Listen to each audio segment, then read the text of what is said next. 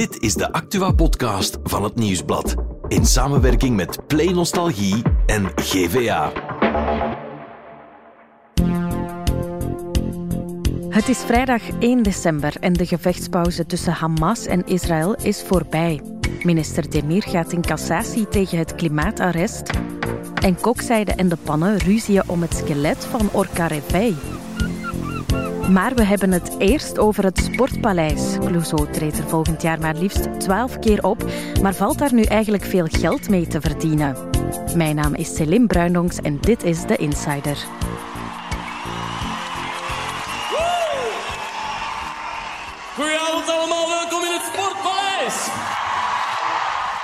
Het Sportpaleis, de grootste evenementenhal van ons land. En als je daar als artiest kan staan, dan heb je het echt gemaakt. Maar verdienen die artiesten daar nu veel geld mee? We vragen het aan onze insiders van vandaag, Wout de Smijteren en Dennis van Goetem, cultuurjournalisten bij Nieuwsblad. Dag Wout, dag Dennis. Dag Celine. Hallo. Ja, volgend jaar loopt het Sportpaleis twaalf keer vol voor Clouseau en zes keer voor Milk Inc. Uh, dat is eigenlijk als Vlaams muzikant het toppunt van je carrière in België, lijkt mij. Ja, dat zal dan toch ook goed geld verdienen, denk ik. Je zou dat denken, um, mm -hmm. maar dat is niet per se het geval. We hebben gesproken met Jan van Esbroek, de grote baas van het Sportpaleis. En die zei ook al, eigenlijk varieert dat van nul tot veel. Oké. Okay. Um, dat hangt af van heel veel factoren. Um, hoeveel wilt je investeren in de show? Mm -hmm. Hoeveel personeel komt daarbij kijken? Ja. Zijn daar grote advertentiekosten bij, et cetera? De grootste kost dat zal altijd de productiekost zijn, natuurlijk.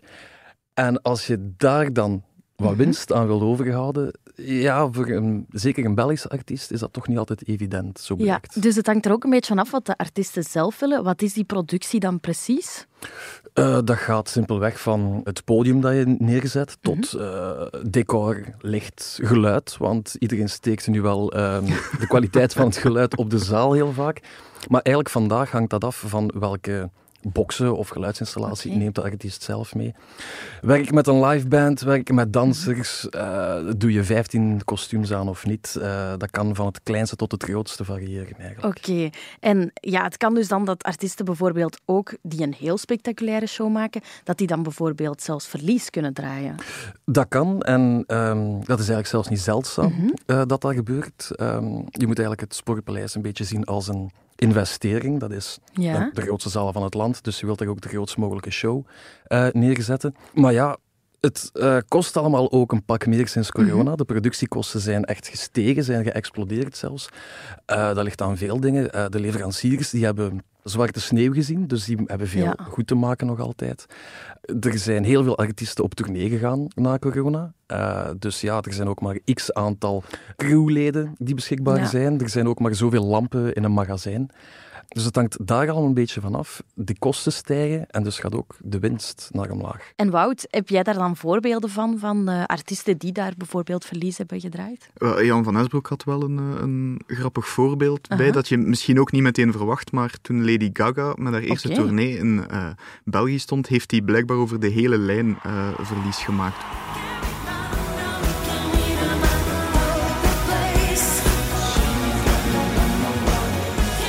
Hoe kwam dat dan?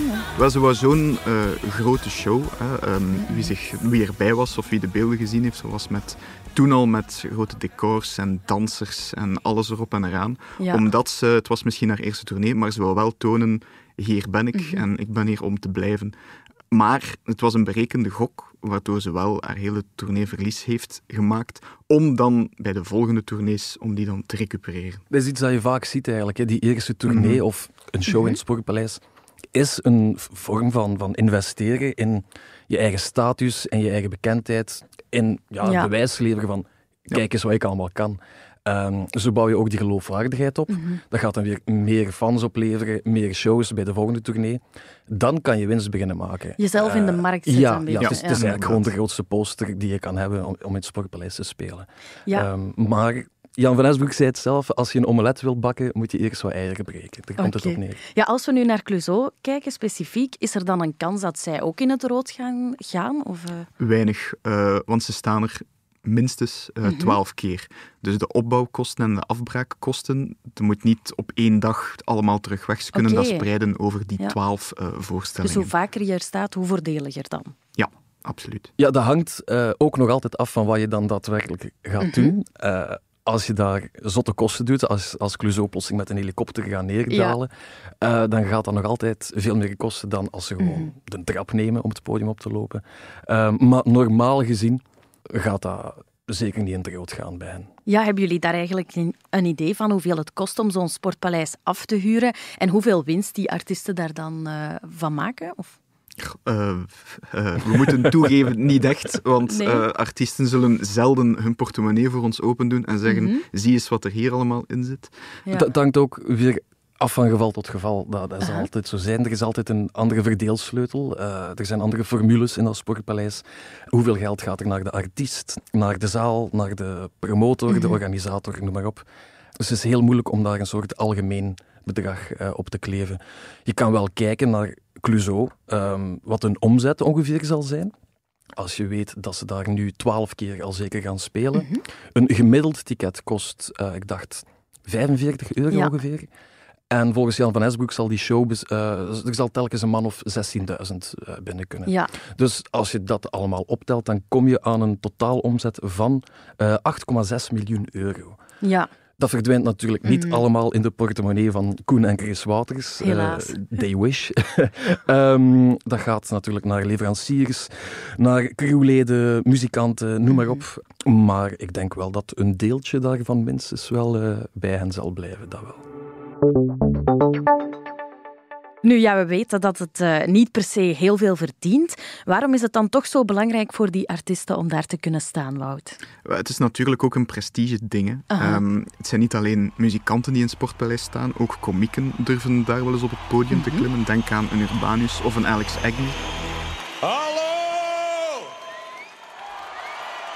Antwerpen! Die kant, hallo! De andere kant, hallo! En de manager van Alex Agnew zei ook gewoon, ja, je moet daar niet per se gaan staan voor de portemonnee, maar het is natuurlijk wel een goede stunt. Agnew koppelde dat heel vaak ofwel aan het einde ofwel aan het begin van een tournee. En als kick-off of als afsluiter kan dat natuurlijk wel tellen. Ja. Als je je tournee begint in het Sportpaleis, dan weet iedereen direct dat je op tournee bent. Eh, dan heeft iedereen je direct gezien. En dan is de kans natuurlijk veel groter dat daarna ook je zalen, die je dan nog in het geval van een Agnew een jaar of twee, drie eh, afschuimt, dat die dan ook heel goed vol gaan zitten. En daar maak je op meer je winst. En hoe komt dat dan dat die winst meer in die kleine zalen ligt? Wel, Om te beginnen hebben zij meestal al alle technische faciliteiten voorhanden en moet je die zelf niet meer gaan huren. Dus daar bespaar je al kosten uit en je doet er ook gewoon veel langer. Ja, en misschien dat het Sportpaleis toch ook wel een beetje een kinderdroom is van veel artiesten. Hè? Waarschijnlijk wel. Kijk naar Camille die er eh, gaat staan. Eh, die is hoe oud? 22. Eh, Ja. Die heeft er ook nooit een geheim van gemaakt dat, dat ze daar altijd graag wou staan. En daar op dat punt in je carrière al staan. Ja, het is wel een mijlpaal die kan tellen natuurlijk.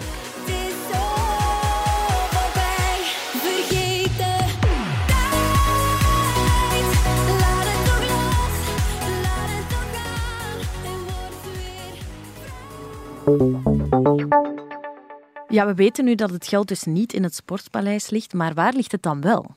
Het ligt niet op één plek verborgen, alleszins. Het is een beetje een optelsom van van alles. Hè. In het geval van een band is dat de platenverkoop, om daarna dan de optredens te kunnen gaan doen, om daarna dan naar het Sportpaleis te kunnen gaan, om weer een nieuwe Ja. plaat te kunnen maken. Ehm Koen Wouters werkt ook nog voor VTM. Veel artiesten hebben dan ook nog daarnaast een kledinglijn. Of, dus het is een optelsom van van alles. Ja. Als je dan kijkt naar de, de festivals of de zomeroptredens van bijvoorbeeld Reggie, dat weten we. Eh, afgelopen zomer vroeg hij, als ik me niet vergis, 34.000 euro per show. Sportpaleis, dus het nummer in de show dat iedereen altijd van de grond gaat. Dus ook nu hier vanavond. Ik wil de eerste kleine aardbeving. 40.800 voeten van de grond en dan nu. Go, go, go, go, go, go, go, go. Dat was dan ook met de hele bus vol gastartiesten, lichten, noem maar op. Daar gaat hij aan over. Het Sportpaleis, dat gaat hem een veelvoud kosten eigenlijk om die show te brengen. Maar gek genoeg, hoe groter die show, hoe minder dat hij daar wel aan zal overhouden. Wellicht. Ehm, Dat is wel al een goede richtlijn om een beetje te kunnen inschatten. De winst ligt te rapen op de festivals en in de zomer Ja. en minder in het Sportpaleis. Ja, en als dat dan zo duur is, zijn er dan geen manieren om goedkoper in het Sportpaleis te staan? Die zijn er wel. Eh, Urbanus heeft ze gevonden, heeft hij mij Vertel. verteld. Eh, eh, ze hadden hem van organisatie van alles voorgesteld, zei. Een grote lichtbak die Reggie nog gebruikt had, die Clouseau nog gebruikt had. En hij zei van, ja, voor die prijs, jongens, is een simpele spot of desnoods een kaars ook goed. ik hoor het hem nog zeggen, maar ik ga me niet wagen aan een imitatie.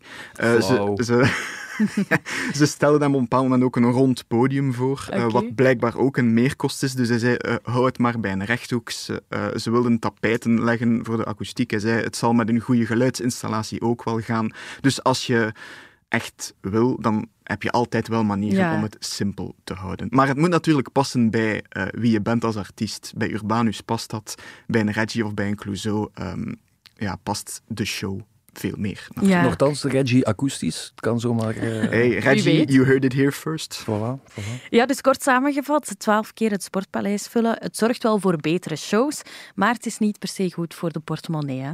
Ik denk dat dat eh, een juiste samenvatting is. Ja, dankjewel Wout, dankjewel Dennis, om dat eh, voor ons toe te lichten. Graag gedaan. Met plezier.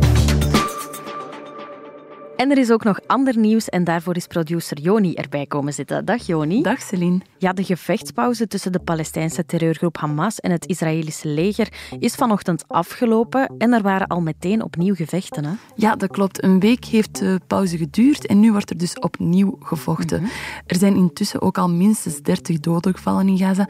De twee partijen kwamen vorige week overeen dat ze dus tijdelijk niet zouden vechten. En in die tijd zou Hamas gijzelaars vrijlaten die ze ontvoerd hadden tijdens hun aanval op 7 oktober. En in ruil daarvoor zou Israël dan Palestijnse gevangenen vrijlaten. En zijn al die gijzelaars en gevangenen dan uitgewisseld? Nee, nog lang niet. In totaal zijn er nu 110 gijzelaars vrijgelaten in ruil voor 240 Palestijnse gevangenen. Maar dat betekent dat er nog altijd 137 Israëlische gijzelaars in de Gazastrook zitten. Dus Israël gaat natuurlijk proberen om die ook nog vrij te krijgen. Maar waarom beginnen ze dan toch terug te vechten? Volgens Israël wil Hamas geen extra gijzelaars meer vrijlaten. En ja, dat was eigenlijk wat er in het akkoord stond. Voor elke dag dat er nog mensen vrijgelaten werden, ging er een dag extra pauze in. Maar dat is nu dus ten einde. En volgens de Israëlische premier Netanyahu zijn er vanuit de Gazastrook opnieuw raketten op Israël afgevuurd. Volgens Midden-Oosten-expert Kurt de Buff zou er wel een nieuw staakt het vuren kunnen komen.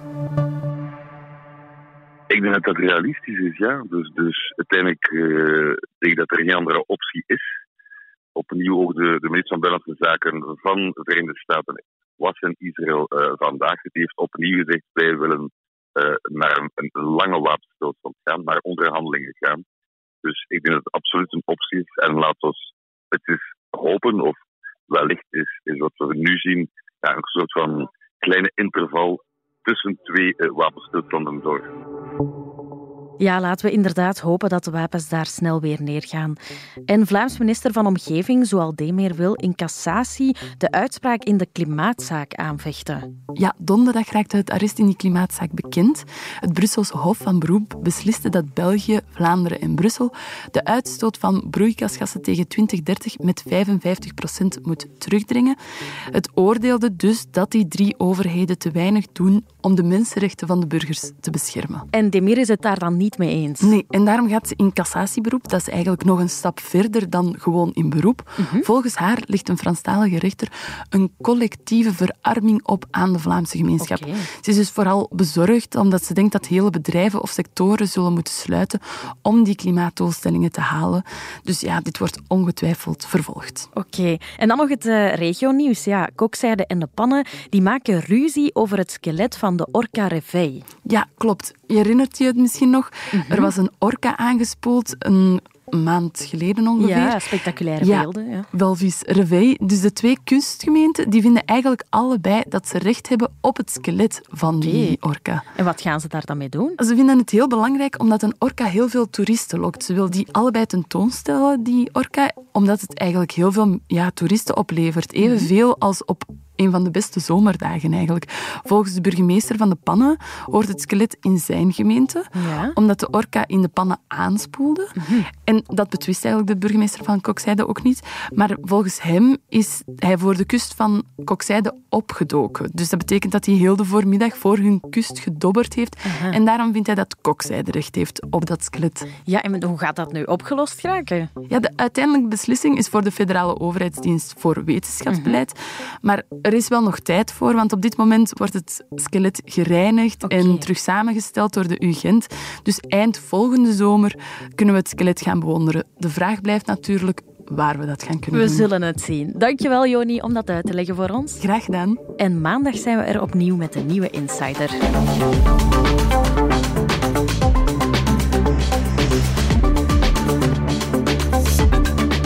Dit was The Insider, een podcast van het Nieuwsblad in samenwerking met Play Nostalgie en GVA. De muziek is van Pieter Santens. De montage gebeurde door House of Media. Wil je reageren? Mail naar podcast.nieuwsblad.be.